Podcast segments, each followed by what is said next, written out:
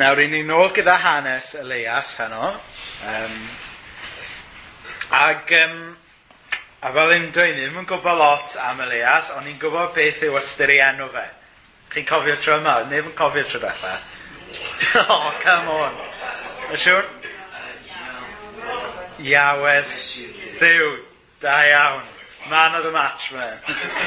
Iawes i ddiw. Dyna ystyr enw Elias. Felly, os na gen i gwybod dim byd arall amdano fe, mae jyst cofio'r un peth yna. Tro nesaf nawr, fi disgwyl i pawb cofio. y leias iawe sydd ddew. Nawr, ar ei ewydd, um, mae'n arwydd y cael bod ni ddim yn gwybod lot amdano fe, achos y beth mwyaf pwysig am Elias yw i negesau. Nid pwy oedd e, ond i negesau. Dyddi e yma, wrth gwrs, mae pobl cael y pwyslais ffordd arall rownd, ydyn nhw. Maen nhw'n poeni mwy am pwy yw rhywun na sylwedd i neges e, ond sylwedd neges Elias sy'n bwysig. Achos oedd Elias yn broffwyd, ac ystyr proffwyd yw rhywun sy'n dod ac air dew i rhywun. Nid, um, chyfo, nid yr horoscopes yn y Daily Mail, nid dyna ystyr proffwyd. Ystyr proffwyd yw rhywun sy'n dod ac air dew i bobl. Nawr, oedd hi'n gyfnod diddorol y cyfnod oedd Elias yn byw ynddo fe. Oedd e'n gyfnod o densiwn rhwng rhai fel Elias oedd yn ffyddlon ac yn dilyn y gwirdew ac ar y llaw arall pobl oedd yn dilyn bal a yn sôn am proffwydi bal. A wedyn oedd yna lot o bobl yn y canol oedd yn cloffi rhwng dau feddwl fel oedd Elias yn dweud. Ac ar ewydd, mae cyfnod ni'n byw yn fe nawr eitha tebyg. Chwa, mae gyda ni um, rai pobl a, a ni yn ei misg nhw gobeithio sydd yn dilyn y gwir ddew. Ar y llaw arall, mae, mae gyda ni lot o bobl sydd â syniadau cymysg, chi'n gwybod, sy'n cymryd chydig bach o'r grefydd yna, chydig bach o'r grefydd yna, a dod lan ar rhyw ffordd o feddwl sydd just yn siwtio nhw, rhyw pick a mix religion, lobsgows o grefydd. A cyfnod felly oedd y leias yn byw yn ddofe, a cyfnod felly da ni yn byw yn fe. Felly dwi'n meddwl bod ganddyn ni lot i ddysgu gan Elias a'i gyfnod e. Nawr, um, be sy'n gret yw bod Elias yn eitha, wel, ddim yn gret bod e'n unig, ond um, mae yn ddyn eitha unig. Hynny yw, i ni ddim yn clywed bod yna lot o bobl o'i gwmpas e. Oedd e yn y lleiafrif, ond oedd e'n ddewr iawn yn cyflwyno gair dew mewn cyfnod lle oedd lot o bobl yn erbyn gair Dyw. Felly, Mae'r ffordd mae Dyw yn defnyddio Elias yn ei ddydd e, dyle fe fod na nogaeth i'r ffordd da ni'n gobeithio bod Dyw yn defnyddio i bobl a'i eglwys yn yn dydd ni. Da ni weithiau yn gallu teimlo fel Elias, da ni'n gallu teimlo fel mae dim ond ni sydd yma yn rhannu gair Dyw. Wel, falle bod dim lot o bobl yng Nghymru heddi yn, yn dilyn Iesu Grist ac yn rhannu am Iesu Grist, ond mae'r hanes yma'n dysgu ni mae nid niferoedd sy'n bwysig, ond y ffaith bod Dyw yn gallu gweithio drwy bobl mewn sefyllfaon sy'n gallu bod yn anodd. Nawr, um, i ni'n cyrraedd yr hanes hen yma gyda Gwynllan Naboth. Ac i ddechrau, um, dydy Elias ddim ar gyfyl y lle. Ond i ni yn um, cyfarfod y cymeriad newydd yma, sef Naboth. A mae gan naboth um, Wynllan. Nawr, pan o'n i'n pregethu yn pen y groes bore yma, Tro diwetha ni neu hwyl bod Carmel jyst rhwng y gornel, ond ys gwrs yn Penegod, mae yna wynllan hefyd jyst rhwng y gornel hefyd, yn does? Um, ac yn yr hanes yma, mae Ahab yr badi y stori fel petai, rhywbeth o nemesis um, Elias. Mae wedi cymryd tipyn o ffansi at wynllan, naboth mae e'n gweld, o, oh, fydda'n wincio na, fydda hwnna'n neud veg patch neis dros nesa i'm halas i. Ac i ni'n gweld fel hyn yn adnod 2. A dywedodd ahaf wrth naboth, rho um, dy wyllian i mi fod yn ardd lysiau, gan ei bod mor agos i'n tŷ. A rhodd i ti'n gyfnewid wyllian well na hi. Neu, os yw'n well gennyt, rhodd i ti ei gwerth mewn arian. Felly, ar yr olwg gyntaf, mae'n ymddangos fel Ahab yn neud rhyw gynnig o ddigon teg i naboth. Yn dweud bod e'n rhyw ddyn busnes sy'n cynnig um, gwynllian well iddo fe, um, neu'n cynnig i werthau am arian. Ond os i ni'n craffu fwy ar beth sy'n mynd ymlaen yma, ac hefyd o edrych ar beth da ni wedi ddysgu am ahab o benodau blaenorol, i ni'n gweld mae nid un busnes yn gwneud cynnig teg sydd yn hyn Ond yn hytrach, Ahab, unwaith eto'n syrthio i bechod. A pechod Ahab yn y fan yma yw chwennych eiddo rhywun arall, yn dyfa. Dyma sy'n mynd mlaen fan hyn, nid dyn busnes yn ei cynnig teg sy'n fan hyn, ond yn hytrach, Ahab yn chwennych eiddo naboth. Um, ar yr olwg gyntaf, mae'n ymddangos fel dyn busnes, ond beth sy'n digwydd fan hyn go iawn yw Ahab yn bod yn fach o bwli, ynddo fe? Mae'n gwybod mae fe yw'r brenin, wedyn, so mae'n, wel, fe yw'r brenin, na'i daflu bwysau o gwmpas, na'i daflu yn arian o gwmpas, na'i ddefnyddio yn y lanwad, na'i ddefnyddio yn rym, na'i ddefnyddio yn arian i er mwyn cael yr hyn i fi eisiau. Um, er bod Ahab yn gwneud cynnig i nabodd, go iawn oedd Ahab mynd i gymryd y wynllan beth bynnag oedd Naboth yn dweud. Nawr, wythnos diwetha, nes i wylio y ffilm The Godfather am y tro cyntaf. Ac um, yn ffilm, um, ffilm o ddechrau'r 70au. Pwy, pwy sydd wedi gweld y ffilm? Ie, yeah, na ni. A mi'n cofio ar y pryd, oedd e'n cael ei ystyried yn un o'r ffilmiau mwy o treisgar erioed. Ond beth oedd yn taro fi oedd i gymaru'r ffilmiau heddi, oedd e ddim yn dreisgar o gwbl, mae'n dweud eisiau mae safonau di newid ond. Ta beth?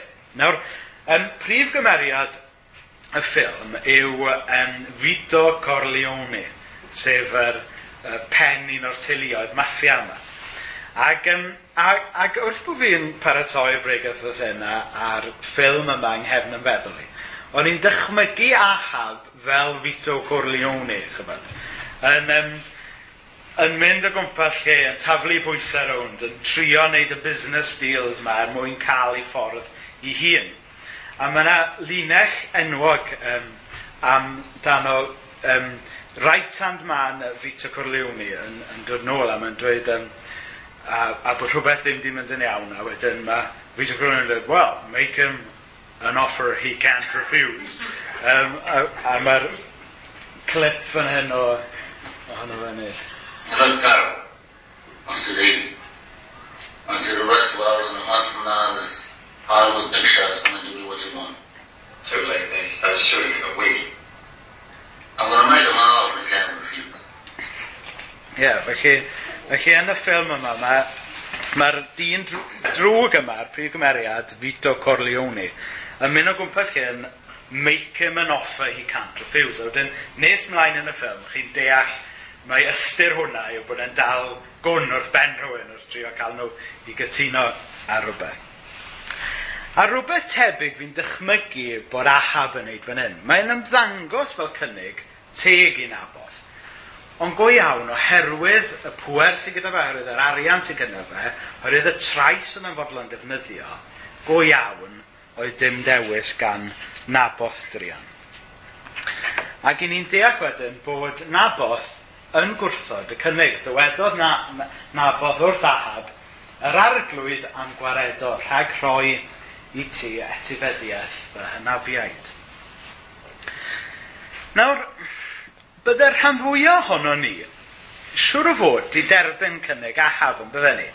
Os byddai gwynllian gyda ni, a bod rhywun yn cynnig gwynllian well i ni, bydde ni siŵr o fod yn ei dderbyn e. Neu os byddai gwynllian gyda ni, a bod rhywun yn cynnig arian mawr i ni, wel, byddwn ni'n derbyn e, prynu byngalo ar gyfer ymddeol, chybod, rhywbeth fel na. Os byddwn ni yn sefyllfa na, naboth, byddwn ni wedi derbyn y cynnig. Ond mae na, naboth yn gwrthod y cynnig, a mae'r rheswm pam bod yn gwrthod y cynnig yn bwysig. Na roedd naboth yn ddyn oedd yn ffyddlon i'r arglwydd. Oedd naboth yn ddyn oedd yn gwybod i ysgrythurau.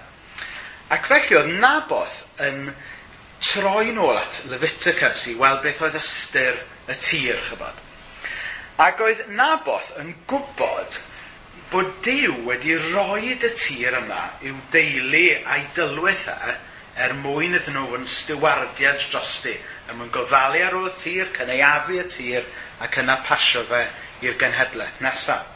Achos mae gair Dyw yn dweud bod tir ddim yn bodoli er mwyn i exploitio a wneud mwy o arian a phosib, ond rhodd yw'r tir i bobl ddew i, i gynaeafu fe, gofalu ar ôl nhw i hunain a pasio fe ymlaen i'r teulu.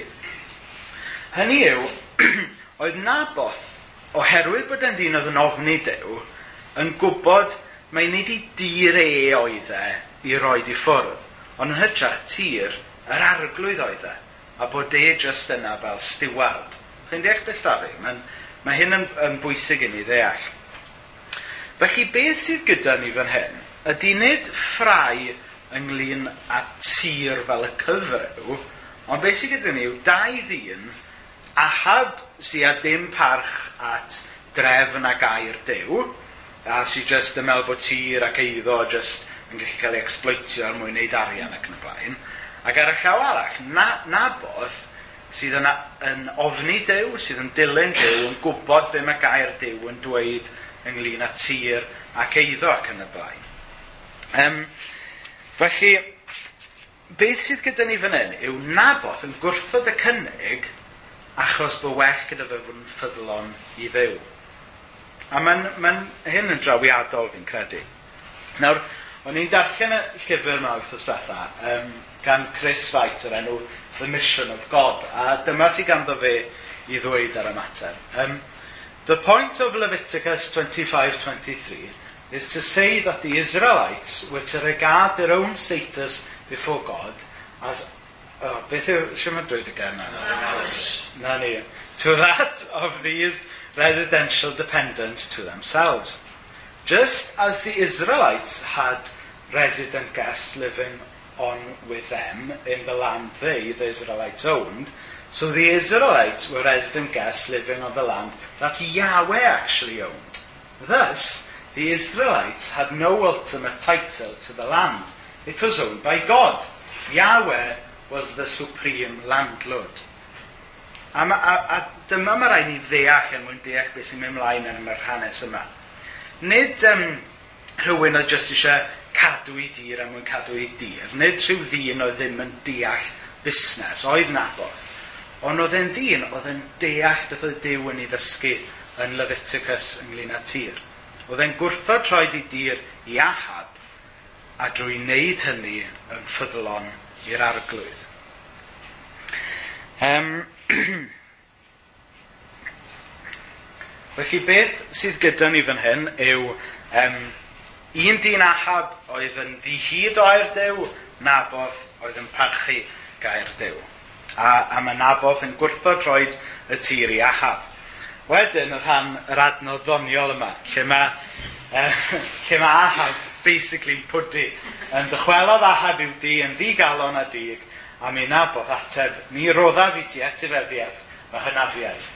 Bwrodd ei hun ar ei wely a throi i'w na draw a gwrthod bwyta. A fi'n siŵr bod Fi'n siŵr bod chi'n cofio'ch plant chi yn neud hyn, pwdi, rhedeg lan grisiau, neud ar y gwelia, gwrthod dod lawr i swper. Wel, um, mae ma, ma cof gyda fi o wneud hynna yn hun. Dyma classic case o, o spoilt brat. um, na ni. Nawr nesa mae Jezebel yn dod mewn i'r hanes. Nawr, um, Jezabel, yr hen Jezabel, dwe. Ni, ni, ni di arfer fan hyn, this is, dyma'r original Jezabel.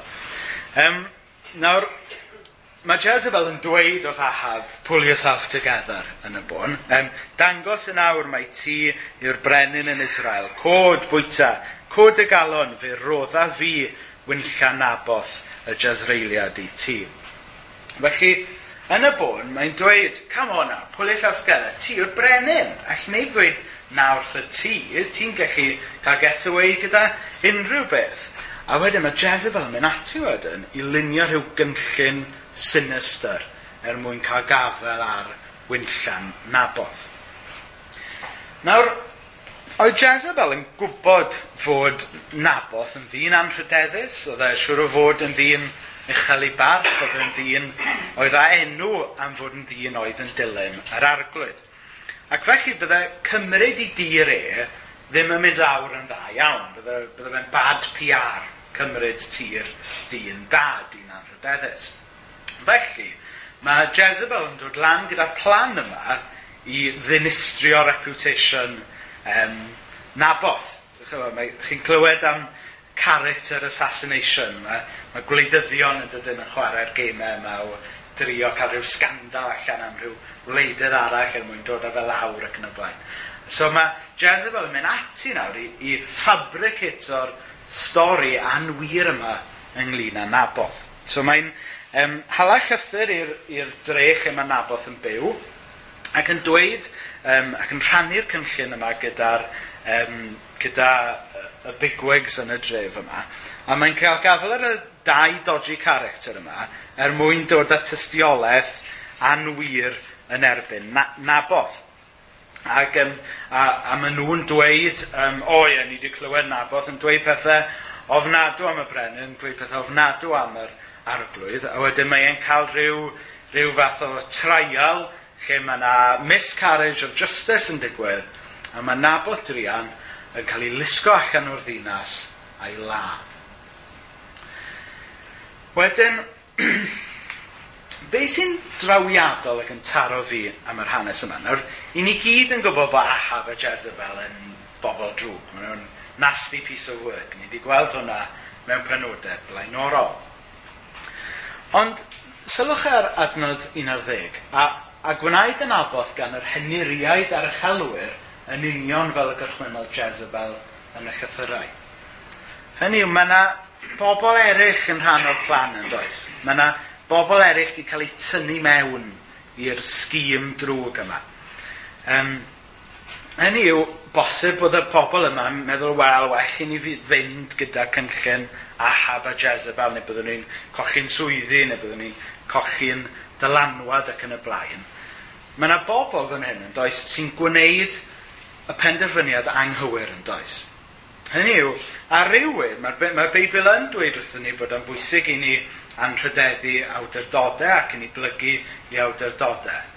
Ond weithiau mae'r awdurdodau yn rong yn dydyn nhw ac yn gofyn i ni wneud pethau sydd yn anghyfiawn. A fe ddyle yr heniriaid ar y chelwyr fan hyn wedi gwrthod um, dilyn cyfarwyddyd y brenin, achos oedd e'n anghywir. Yn y sefyllfa yma, mi oedd dilyn yr hyn oedd yn gywir a dilyn yr hyn um, oedd yn gywir yng Ngolwg Dew yn wahanol i ddilyn y brenin. A mae'n bwysig i ni feddwl trwy hwnna gweld beth mae fe'n golygu i ni yn ym byd ni nawr. Nawr, um, mae Naboth, fel ni'n dweud, wedi marw nawr. A mae'r gair yn cyrraedd um, Jezebel a Ahab bod e wedi marw. Felly mae Ahab yn codi allan o'i wely, chyfod, fel plentyn di cael ei ffordd erbyn hyn. Um, a maen nhw'n mynd i feddiannu um, Gwynllan nabodd. Nawr, um, gallwch chi ddychmygu nawr um, Ahab nawr yn cyrraedd y wynllan, chyfod. Dod ar barbecue allan i gael bach o housewarming party. Chybod, Jezebel yn agor o champagne er mwyn dathlu bod Bod nhw wedi meddiannu y wyllian, wedi cael eu ffordd o'r diwedd. Maen nhw'n dechrau ymlacio, wel na ni, ni wedi cael yn ffordd. A drychwch pwy sy'n troi lan i sbwylio'r parti. Daeth gair yr arglwydd at Elias a dweud, cod, a dos i lawr i gyfarfod ahab, fe'i cei yng Ngwynllan Abodd. Mae wedi mynd yno i'w meddiannu. O, hwn yn gret yn dydy. Chyfa, chi'n chi dychmygu hwn yn digwydd nawr. Jezebel a Ahab yn meddwl bod nhw wedi cael ei ffordd, dechrau ymlacio a noc ar y drws.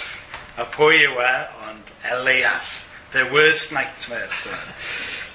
um, Wy'n dychmygu fe fel, wy'n dychmygu bod perthynas Ahab a Elias fel perthynas James Bond a, a'r baddies James Bond. So, but, yr badi James Bond, ti yn trio popeth yn cael gwared o James Bond. maen nhw'n taflu fe mewn i'r sharks, maen nhw'n trio seithi fe lawr a laser, a o, mae James Bond wastad yn dod nôl i, i'w tauntio nhw, a mae yna linell yn golden eye, pan mae Trevelyan y badi yn mynd, why can't you just be a good boy and die? a chi'n dychmygu, tyfod, ahab Fel, o, oh, mae mor y leias yma nôl eto. So, pam na gwein chi gadael llonydd i ni? Um, to, Ahab a Jezebel meddwl bod nhw wedi ennill y dydd, ond pwy sy'n ôl i sbwylio'r parti y leias. Nawr, adnod i gen, dywedodd Ahab wrth Elias, a ddeithos do hyd i mi, fy ngelyn. Mae ma Ahab yn cyfeirio at Elias fan hyn fel i Elin. Ond fi'n gweld Elias mwy fel cydwybod i Ahab. Chi'n deall beth da fi? Hynny yw, nid Elias as such oedd Ahab yn ei ofni sa'n credu, ond yn hytrach ar hyn oedd Elias yn ei gynrychioli. Achos oedd, oedd Elias yn dod â gair dew i, um, i Ahab yn doedd. Felly nid so much trio sgoi Elias oedd Ahab, ond oedd e'n trio sgoi dew yn doedd. Oedd e ddim eisiau dod wyneb wyneb y leias, so oedd e'n gwybod bydde fe wedyn yn goffa dod wyneb yn wyneb a dew. Um, Nawr, mae leias yn ddewr iawn wedyn yn cyflwyno um, gair dew i ahab ac, ac yn yr adnodau llachar a, a eitha caled yma, i ni'n cael y leias yn esbonio i ahab bod yna oblygiadau difrifol i'r gweithredoedd pechadurus a anghyfiawn yma oedd Ahab wedi bod yn rhan ohonyn nhw. Am dy fod wedi ymroi i wneud drwg yn olwg yr arglwydd, rwyf yn dwy'n drwg arna ti ac yn dyleu dy hiliogaeth, ddifodaf bob gwrw yn perthyn i Ahab yn Israel, caeth a hyd, wnaf dy di fel ac yn y blaen ac yn y blaen. Mae'n Mae'n ddifrifol iawn yn dweud. Mae'r adnodau yma, maen nhw'n ddweud brawychus iawn yn dydyn. Ond mae'r dweud brawychus yma, jyst yn atgoffa ni pa mor ddifrifol yw pechod yn dyfa. E? Hynny yw, mae pechod mawr yn cael ei ddelio gyda fe mewn ffordd mawr. Mae hwn yn atgoffa ni bod pechod yn rhywbeth serius, bod pechod yn rhywbeth mae Dyw angen delio fe. A mae'n amlwg fan hyn bod, bod yr holl bechod yma oedd e- Ahab wedi, wedi i wneud, bod pechod yn y diwedd yn cael amdano fe hun. Mae fe'n self-imploding fel petai, yn dydy, a ni'n gweld e fan hyn. A mae'n amlwg bod Ahab yn dechrau gweld dwi angen ffordd allan o hyn. Nawr, cyn bod ni'n edrych ar y ffordd allan, gawn ni edrych ar um, adnod 25. Eto, ni di neb cyndrwg ag ahab mewn ymroi i wneud drwg yng ngolwg yr arglwydd am fod Jezebel ei wraig yn ei annog. Nawr, ddim yn siŵr sy'n hwnna'n, fi, fi ddim yn briod felly, lle, lle ddim tystio i hyn, os yw hyn yn wir neu beidio. Ond, ond, ond be mae'r adnod yma yn yn dysgu ni yw fod mae pechod yn contagious yn dydy. Hynny yw, i ni'n gallu rwtio off ar ein gilydd mewn ffordd da, ond i ni hefyd yn gallu rwtio off ar ein gilydd mewn ffordd wael. Um, oedd Ahab yn bechadur mawr, a Jesse, Jezebel yn bechaduras fawr, a gyda'i gilydd oedden nhw'n bechaduriad hyd yn oed yn fwy. Oedd, oedd, oedd Ahab yn tynnu'r gweithach yn o Jezebel, oedd Jezebel yn tynnu'r gweithach yn o Ahab. Hynny yw, gyda'i gilydd, maen nhw'n rwtio off ar ei gilydd, maen nhw fel Macbeth a Lady Macbeth, chybod. Dyna, dyna'r math o gymeriadau fi'n meddwl amdano. Mae pechod yn heintus, yn dydy? Hynny, mae yna, ma rai pechodau, cymerwch chi nawr, rhywbeth fel syml iawn fel hel clecs. Chi dim ond yn gallu gwneud y pechod yna gyda rhywun arall, yn dydych chi, chybod? Felly mae'r adnod yma yn dysgu ni bod angen i ni watcha mas, chybod? Os i ni'n gweld bod yn um, perthynas a'n amser ni gyda um, rhywun yn peri i ni bechu mwy a mwy, mae falle eisiau ni fechau neu dal lled braich neu sortio hynna allan. Ond ochr arall y geinog yw, mae treulio amser gyda rhai pobl yn tynnu ni nes at Iesu yn dydy. A mae'n bwysig i ni adnabod pwy yw'r bobl yna yn y bywyd ni a buddsoddi fwy amser gyda'r bobl yna. Fan hyn, ni'n gweld dau berson yn annog i gilydd mewn i fwy o bechod fel petai. Wel, dylen ni watcha rhag hynna a sticio gyda pobl, nid ti'n arwen i bechod, ond yn arwen i y nes y nes a tu asu. Nawr, i ni'n gweld bod um, Ahab wedi cael tipyn o sioc wrth glywed gair dew gan Elias. A mae'n amlwg fod y geiniog wedi syrthio. Mae'n amlwg fod e wedi gweld i angen, bod e wedi gweld i bechod, ydy dod wyneb yn wyneb a dew. Achos yn adnod 27 mae hyn yn digwydd. Cyn gynted ag y clywodd ahab eiriau Elias, rhwygodd ei ddillad a gwisgo sachliain ar ei gnawd ac yn prydio a chysgu ar sachliain a cherdded yn araf. Nawr beth sydd gyda ni fan hyn yw ahab y pechadur mawr, y pechadur pennaf, Yn dod wyneb y wyneb a dew. Mae e'n gweld i bechod, mae e'n gweld i angen, a beth sy'n gyda ni'n yr adnod yma yw bod e yn edif ar hau. Yn i'w nath Ahab weld o'r diwedd bod i holl fywyd a bod i holl frenhiniaeth e jyst yn drobwyll diweilod o gelwydd, casineb, balchder, trais. Nath e weld, mae pechod oedd yr arglwydd yn ei fywyd e a dyma fe nawr yn edif ar hau ac yn plygu o flaen dew. Oedd e wedi bod yn byw bywyd fel Frank Sinatra, I did it my way, ond oedd e'n gweld nawr, na, mae angen i fi blygu, mae angen i fi edif ar hau. A wedyn, adnod 28 a 29. Daeth gair yr arglwydd at Elias a dweud, A sylwais ti fod ahab wedi ymostwng gerf ymron. Gan ei fod wedi ymostwng gerf ymron, nid wyf am ddod ar drwg yn ei ddyddiau ef. Ar ôl i Ahab wedi farhau, beth sy'n digwydd? Mae Dyw yn madde Ahab. Mae'r farn oedd yn ei heiddi yn pasio heibio fe ac yn mynd, fel i ni'n gwybod, ar Iesu Grist. Nath Iesu Grist dderbyn y farn oedd Achab yn ei heiddi. A mae hynna'n wir amdano ni. Mae'r farn da ni'n heiddi, mae Iesu Grist trwy gariad a trwy ras wedi i gymryd e. Felly mae hab yn edif ar hau ac yn derbyn y maddeiant. Ond mae diwedd yr adnod yn ddiddorol. Um, so, nid oedd am ddod ar drwg yn ei ddydau ef, y nyddiau ei fab y dygaf y drwg ar ei deulu.